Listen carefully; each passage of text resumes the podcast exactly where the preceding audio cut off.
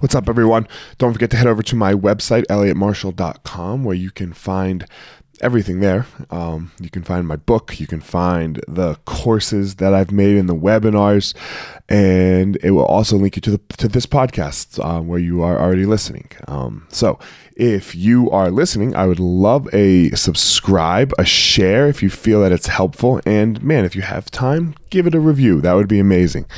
Um, don't forget to follow me on Instagram at firemarshall205 and go check out my YouTube channel. And I have a ton of content there as well. So, um, all those things, don't forget about them. Thanks for the support. And uh, here we go. so, guys, this week, I hope everyone's doing well. Sorry, I'm a day late. Uh, but I'm a day late because I want to talk about the actual. Uh, uh, well, that, that that's the topic this week.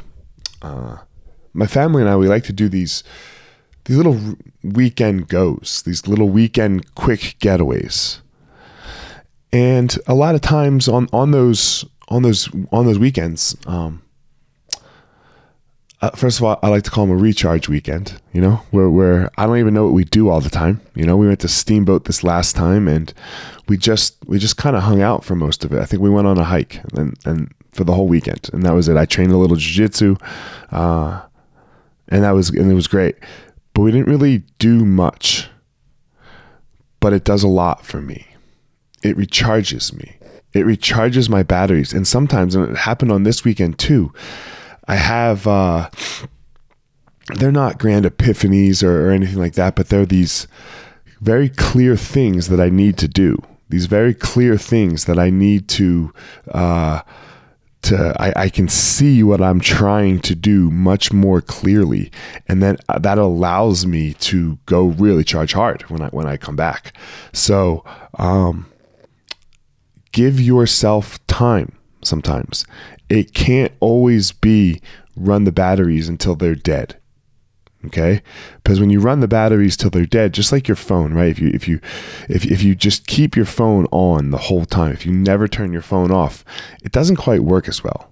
Every once in a while, you gotta you gotta shut that thing down, right? You, you gotta just turn the phone off and turn it back on, or your computer, right? These electronics that we use so often, you have to give them time to like do nothing and then it works better. The same is going to go for us. Give yourself a little time for nothing, and you know this is not my style, right? This I'm a I'm a get up and go kind of guy, and, and I want you to get up and go, but I also want you to be able to keep going. And in order to keep going, you have to give yourself a break. You have to back it off even for me, for another example, in all of my extroversion, and I'm uh, on the spectrum of extroversion, I am highly extroverted. I need time away. I need I need time without. It, it's very very important for me. So and and it's not a lot. It's not a lot, but for example, like on the weekends, sometimes when when we stay home, I I, I, want no one around. The only people that can come around are like, you have to be able to sit there and do nothing with me. And if you can sit there and do nothing with me, then fuck yeah, great, we're fine. But other than that, I need I need nothing. So, uh, but that's a recharge, right? That that's a recharge. So be aware. Be aware of yourself. Be aware of what it is you need. Be aware of it, it's okay to take a, a, a down couple days you know, to do something, to spend some really, really quality time with your friends, your family, your loved ones. And it actually is beneficial, right? It's, it's actually beneficial. The downtime actually can help. So, um, that's it for this week.